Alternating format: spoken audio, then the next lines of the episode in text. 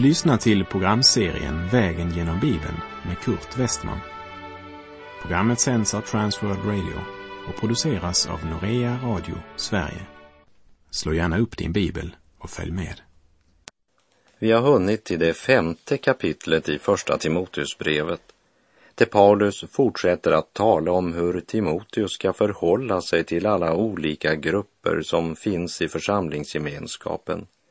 Bland annat hur han ska förhålla sig till olika åldersgrupper.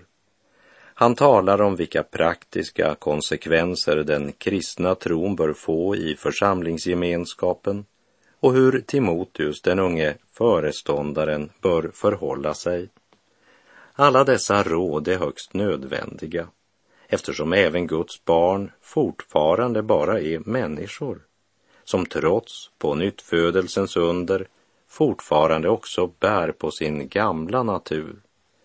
Vi kan säga att i kapitel 5 och 6 beskriver aposteln hur den unge församlingsföreståndaren ska bedriva en sund kyrkotukt i relation till de olika grupper människor som finns i Herrens församling i Efesus, där han var föreståndare. En enstämmig tradition i fornkyrkan säger att Timoteus var den första församlingsföreståndaren i Efesus, där han också ska ha lidit martyrdöden år 97 efter Kristus. Första Timoteusbrevet 5, vers 1 och 2. Gå inte hårt fram mot en äldre man. När du förmanar honom, så tala som till en far. Förmana yngre män som bröder, äldre kvinnor som mödrar och yngre kvinnor som systrar i all renhet. Mose lag sa i tredje Mosebok 1932 För ett grått huvud ska du resa dig upp och den gamle skall du ära. Du ska frukta Herren din Gud. Jag är Herren. Ställningen som församlingsföreståndare betyder inte att Timoteus kan nonchalera Guds förmaning att visa respekt för de äldre. Men respekten innebär inte att han ska se mellan fingrarna med det som är orätt. Han ska förmana honom, men när han gör det ska han förmana honom som en far. En församlingsföreståndare ska inte ha hållningen ”jag vet allt”. När det gäller yngre män ska han förmana dem som bröder. Samma respekt som han visar äldre män ska han visa äldre kvinnor och förmana en äldre kvinna som en mor. Och när det gäller relationen till yngre kvinnor så säger aposteln att de ska han förmana i all renhet en pastor, äldstebroder, föreståndare eller evangelist ska vara ytterst vaksam och ha den största respekt när det gäller relationen till det motsatta könet. Vara ytterst uppmärksam så att det inte smyger sig in erotiska motiv i det som skulle vara kristen omsorg. Därför är det en god regel att man i själavårdssamtal med en kvinna har med en tredje part, som den som söker hjälp själv har valt eller har förtroende för. När en pastor måste lämna sin församling på grund av denna synd så kan man tydligt lägga märke till den andliga dödens stryptag på en sådan församling. Det är få saker som på ett så förödande sätt kväver det andliga livet i församlingen. En församlingsföreståndare ska inte bara undervisa i kristen moral och etik. Han ska själv leva efter vad Guds ord lär och behandla det motsatta könet i all renhet. Vi läser första Timoteusbrevet 5, vers 3. Hedra dem som verkligen är änkor. Det grekiska ord som översatts med hedra är det ord från vilket vårt svenska ord honorar kommer. alltså en slags lön. Att hedra betyder här alltså något mer än att bara visa respekt genom våra hållningar. Det handlar också om ett ekonomiskt ansvar för den som inte längre kan försörja sig själv. Vi läser verserna 4 till och med 6. Men om en änka har barn eller barnbarn ska dessa först och främst lära sig att visa vördnad mot sin egen familj och så ge tillbaka vad de är skyldiga sina föräldrar. Det är så Gud vill ha det. Den som verkligen är änka och står ensam sätter sitt hopp till Gud och håller ut i bön och åkallan natt och dag. Men den som för ett utsvävande liv är levande död. Den som önskar vara en sann Jesu lärjunge och leva ett liv i Guds fruktan och helgelse bör först och främst visa denna Guds fruktan i relation till sin familj och sina närmaste.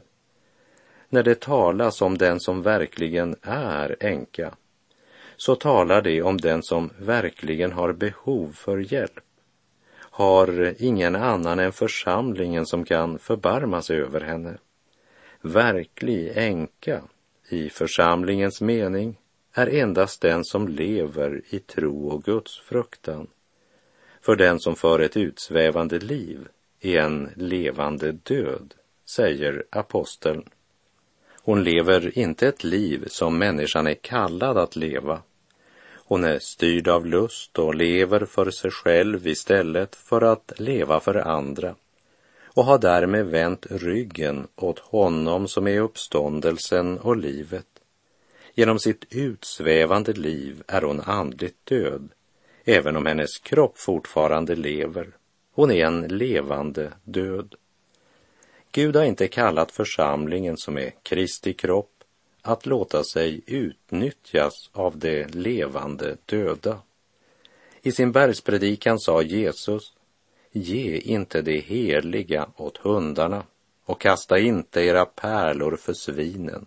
Det rampar ner dem och vänder sig om och sliter sönder er. Må Herren genom sitt ord och sin helige ande ge oss visdom att skilja mellan barmhärtighet och dumdristighet. Kärlek är inte att se mellan fingrarna eller att kasta pärlor för svinen.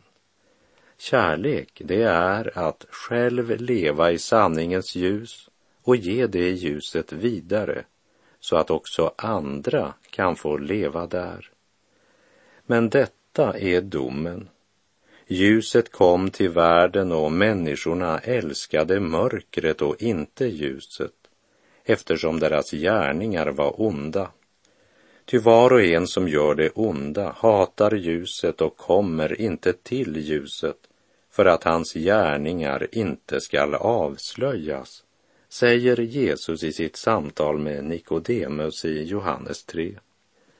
Den som verkligen är änka och står ensam sätter sitt hopp till Gud och håller ut i bön och åkallan natt och dag.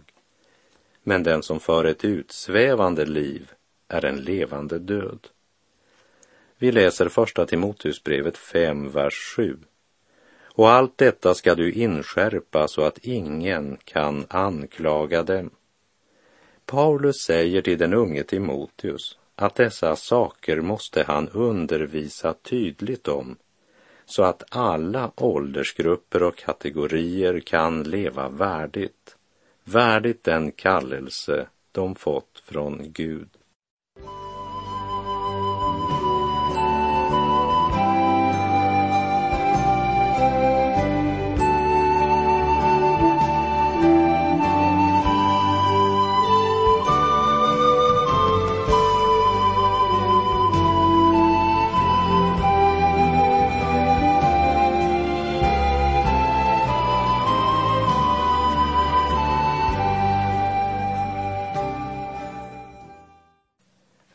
Läser första Timoteusbrevet 5, vers 8.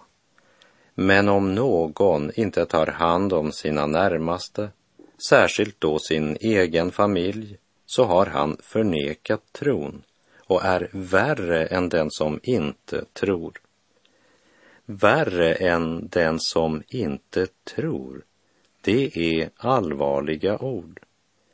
Och det kan knappast sägas kraftigare eller klarare än vad som här sker. Om någon inte tar hand om sina närmaste, särskilt då sin egen familj, så har han förnekat tron.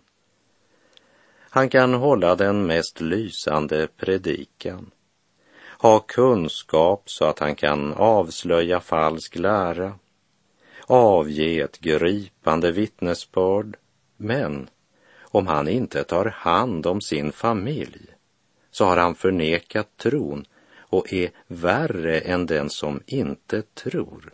Det säger Guds ord. Vi läser första Timoteusbrevet 5, verserna 9 och 10. Till församlingsänka skall den utses som är minst 60 år och har varit en enda mans kvinna. Hon ska vara känd för att ha gjort mycket gott, uppfostrat barn, visat gästfrihet, tvättat det heligas fötter, hjälpt nödlidande och sökt varje tillfälle att göra gott. Hon ska vara minst 60 år. Är hon yngre så borde hon kunna arbeta för sitt eget uppehälle. Men eh, åldern i sig kvalificerar inte. Hon ska vara känd för sina goda gärningar. Det vill säga, hennes tro ska vara mer än en teori och deltagande i en gemenskap. Hennes tro måste också ha visat sig i hennes liv i vardagen. Paulus säger, ha inte för bråttom att hjälpa vem som helst med de resurser som tillhör församlingen. Bli inte sentimental och styrd av tillfälliga känslor. Kolla upp hur det förhåller sig och hjälp dem vars tro bevisats genom deras goda gärningar. Och undersök så du hjälper den som verkligen är i nöd, inte den som klagar mest. Det finns en del ting som tyder på att dessa änkor gavs någon form för diakonissetjänst i församlingen. Det vill säga, de utförde ett arbete för den hjälp de mottog.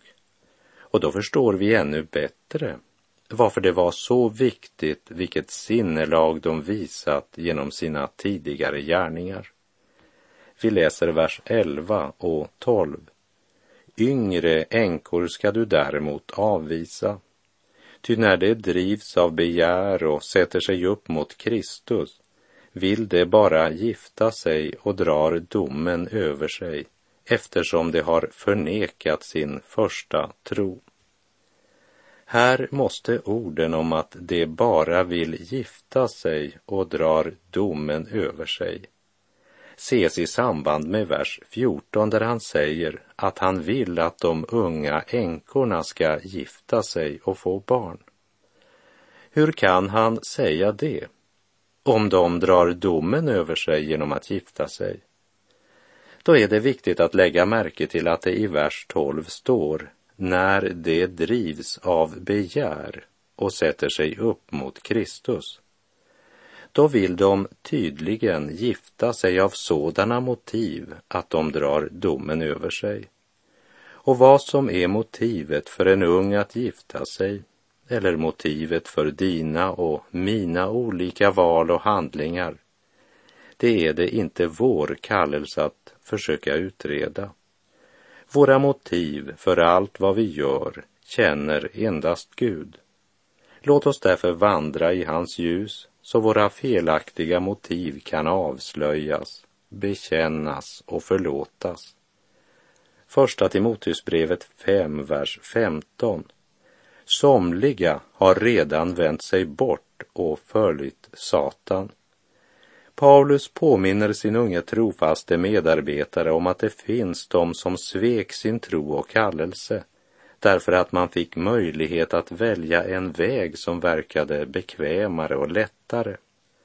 Och med bekvämligheten och självlivets förverkligande som rättesnöre hamnade man i ett ogudaktigt liv i utsvävningar Deras kötsliga frihet blev deras andliga död. Man vände sig bort från Kristus och ett liv i Guds fruktan och den som gör det följer Satan. Det finns ingen tredje väg. Vi läser vers 16. Om en troende kvinna har änkor hos sig skall hon ta sig an dem och inte betunga församlingen så att den kan sörja för dem som verkligen är änkor. Varje familj borde dra omsorg för sina egna änkor så att församlingen kan koncentrera sig om de änkor som inte har några anhöriga och därför verkligen behöver hjälp.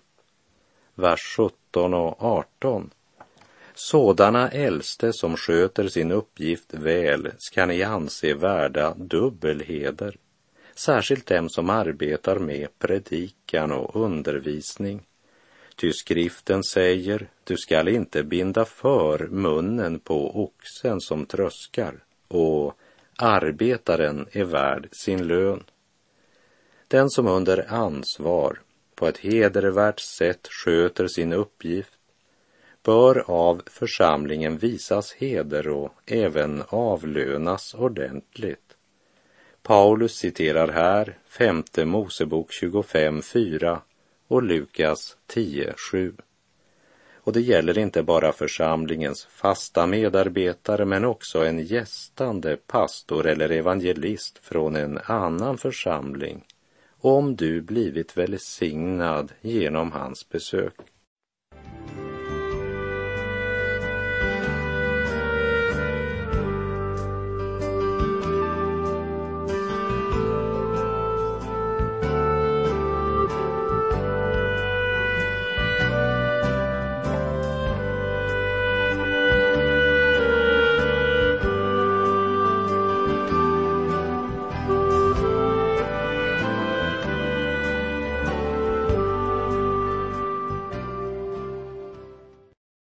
Vi läser första Timoteusbrevet 5, vers 19. Ta inte upp en anklagelse mot någon av de äldste, om det inte finns två eller tre vittnen. Om detta apostoliska råd blev praktiserat så skulle det dämpa en stor del både på skvaller och missförståelser och annat ont som florerar så rikt i många församlingar idag. Paulus säger att både pastorn och alla medlemmar skulle neka att lyssna till skvaller, vare sig det gäller pastorn eller församlingen eller någon av dess medlemmar. Först måste det läggas fram klara bevis innan någon anklagas. Tänk först och fråga dig själv vad som är ditt motiv för att säga detta. Och har du säkra bevis, tala då hellre med den det gäller innan du avgör om det verkligen är nödvändigt att nämna det för andra. Men ibland måste en tillrättavisning ske offentligt. Vers 20. Den som syndar inför alla ska du tillrättavisa inför alla så att även de andra tar varning. Om någon offentligt lever i synd måste han tillrättavisas, speciellt om det gäller någon av ledarna i församlingen, om det är något som berör församlingen. Eljest bör det nog avklaras i enskild själavård. Här måste vi be Gud både om kärlek, visdom och vägledning att handla rätt och rättfärdigt. Vers 21. Jag uppmanar dig allvarligt inför Gud och Kristus Jesus och de utvalda änglarna att iaktta detta utan någon förutfattad mening och inte handla partiskt. Timoteus uppmanas att behandla alla lika. Jakob skriver i sitt brev kapitel 2, vers 1. Mina bröder, ni kan inte tro på vår Herre Jesus Kristus den förhärligade och på samma gång göra skillnad på människor. Vi läser första Timoteusbrevet 5, vers 22. Ha inte för bråttom med att lägga händerna på någon och gör dig inte delaktig i andras synder. Håll dig själv ren. Vi har tidigare läst om hur Timoteus insattes i sin tjänst genom handpåläggning och bön. Men här bör man alltså inte ha för bråttom. När någon just blivit omvänd så ska man inte genast kalla honom till en ansvarsfull tjänst i församlingen. Vi minns från kapitel 3 att Paulus gjorde klart för Timoteus att ingen nyomvänd skulle insättas som församlingsföreståndare.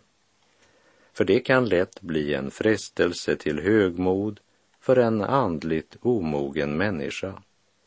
Så den som kallar en nyomvänd till sådan tjänst är delaktig i att den nyomvände frestas och faller.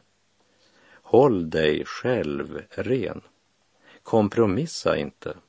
Se till att du själv är förankrad i Guds ord och se till att den du insätter i denna tjänst också är förankrad i Guds ord. Vi läser första Timoteusbrevet 5, vers 23. Drick inte längre bara vatten, utan använd lite vin för din mage, eftersom du är svag så ofta. Det är uppenbart att den första tidens kristna inte använde vin som en läskedryck eller för att markera en festlighet. Paulus påminner Timoteus vilken medicinsk nytta som ligger i ett rätt användande av vinet. Mitt i sina förmaningar tar Paulus upp ett av Timoteus vardagsproblem. Du har en hel del problem med din mage. Här handlar det både om att man i antiken innanför läkemedelskonsten rekommenderade ett varsamt användande av vin som en nyttig regel för hälsa och allmäntillstånd. Dessutom bör vi ha klart för oss att vid den här tiden så var vattnet i dessa områden nog så bakteriefyllt och en rätt användning av vin kunde motverka detta. En rätt återhållsamhet gäller ju inte bara för vin utan även för all annan mat och dryck. Frosseri är en av västvärldens största synder idag. Omåttlighet leder till ett liv i laster, vare sig omåttligheten gäller det ena eller det andra. Men versen i första Timoteusbrevet 5.23 må aldrig användas för att försvara ett allmänt användande av rusdrycker bland Guds folk. Vi läser vers 24 och 25. Vissa människors synder ligger i öppen dag och får sin dom i förväg. Andras synder kommer först senare i dagen. På samma sätt ligger de goda gärningarna i öppen dag och de som inte gör det kan ändå inte förbli gömda. Ibland dömer Gud genast en kristen för hans synd. Men om Gud inte genast dömer honom betyder det inte att Gud inte kommer att döma synden. Paulus skrev just om det här till församlingen i Korint där det var några som åt och drack Herrens nattvard utan att tänka på vad det var man tog del i. Därför finns det många svaga och sjuka bland er. Ganska många är insomnade, skriver Paulus i Första Korinterbrevet 11.30. Han säger att en del redan var dömda av Gud. Många led av sjukdomar och andra hade helt enkelt dött en för tidig död på grund av Guds dom över synden i församlingen. Och han går vidare och säger till de troende i Korint, om vi gick till rätta med oss själva skulle vi inte bli dömda. Men när vi döms fostras vi av Herren för att vi inte ska bli fördömda tillsammans med världen som det står i Första Korinthierbrevet 11, 31 och 32. Världen syndar och Gud dömer synden. Men en kristen kan inte heller synda utan att det får konsekvenser. Antingen så går du till rätta med dig själv eller också dömer Gud dig. Om du går till rätta med dig själv och bekänner din synd så är saken uppgjord och din synd är renad i Kristi blod. Men om du fortsätter att leva i synd kommer Gud att döma, även om du är med i en kristen församling. Ty vi måste alla träda fram inför Kristi domstol för att var och en ska få igen vad han har gjort här i livet, gott eller ont skriver Paulus i Andra Korinthierbrevet 5.10. Samma princip gäller alltså för goda gärningar. Ibland så välsignar Gud en troende för hans handlingar med en gång. Andra Guds barn får vänta tills de möter honom ansikte till ansikte innan de mottar belöningen. Och det gäller nog många, många av Guds barn. Därför skulle Timoteus inte heller ha för bråttom med att insätta någon i ett ämbete i församlingen om han var osäker. Han skulle inte ha för bråttom. Vänta och se, för på frukten ska trädet kännas. Jesus själv säger ju i Lukas kapitel 6, ett träd känner man igen på frukten. Inte plockar man väl fikon från tistlar eller vindruvor från törnbuskar. En god människa bär fram det som är gott ur sitt hjärtas goda förråd och en ond människa bär fram det som är ont ur sitt hjärtas onda förråd. Ty vad hjärtat är fullt av, det talar munnen. Men det Paulus försöker säga i Första Timoteusbrevet 5, vers 24 och 25, det är att vi ska vara försiktiga viktiga när det gäller att bedöma andra. För hos någon så ligger visserligen synderna i öppen dag, det vill säga klart synliga för de flesta.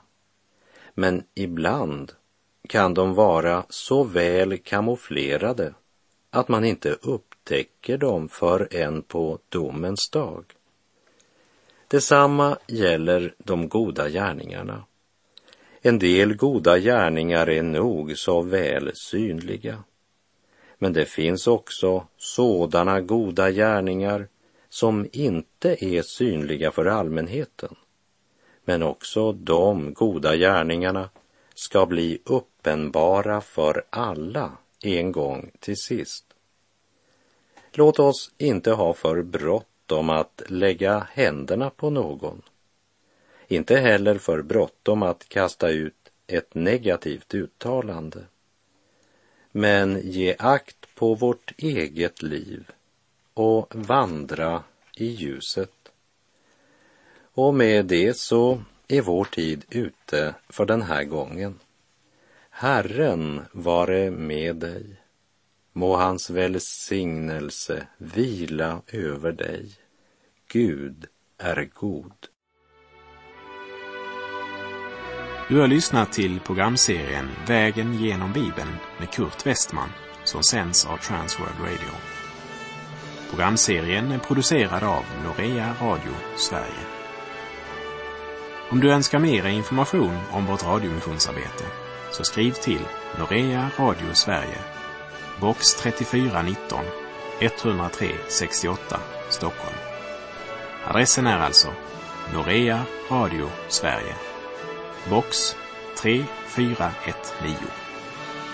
Postnumret 10368 Stockholm.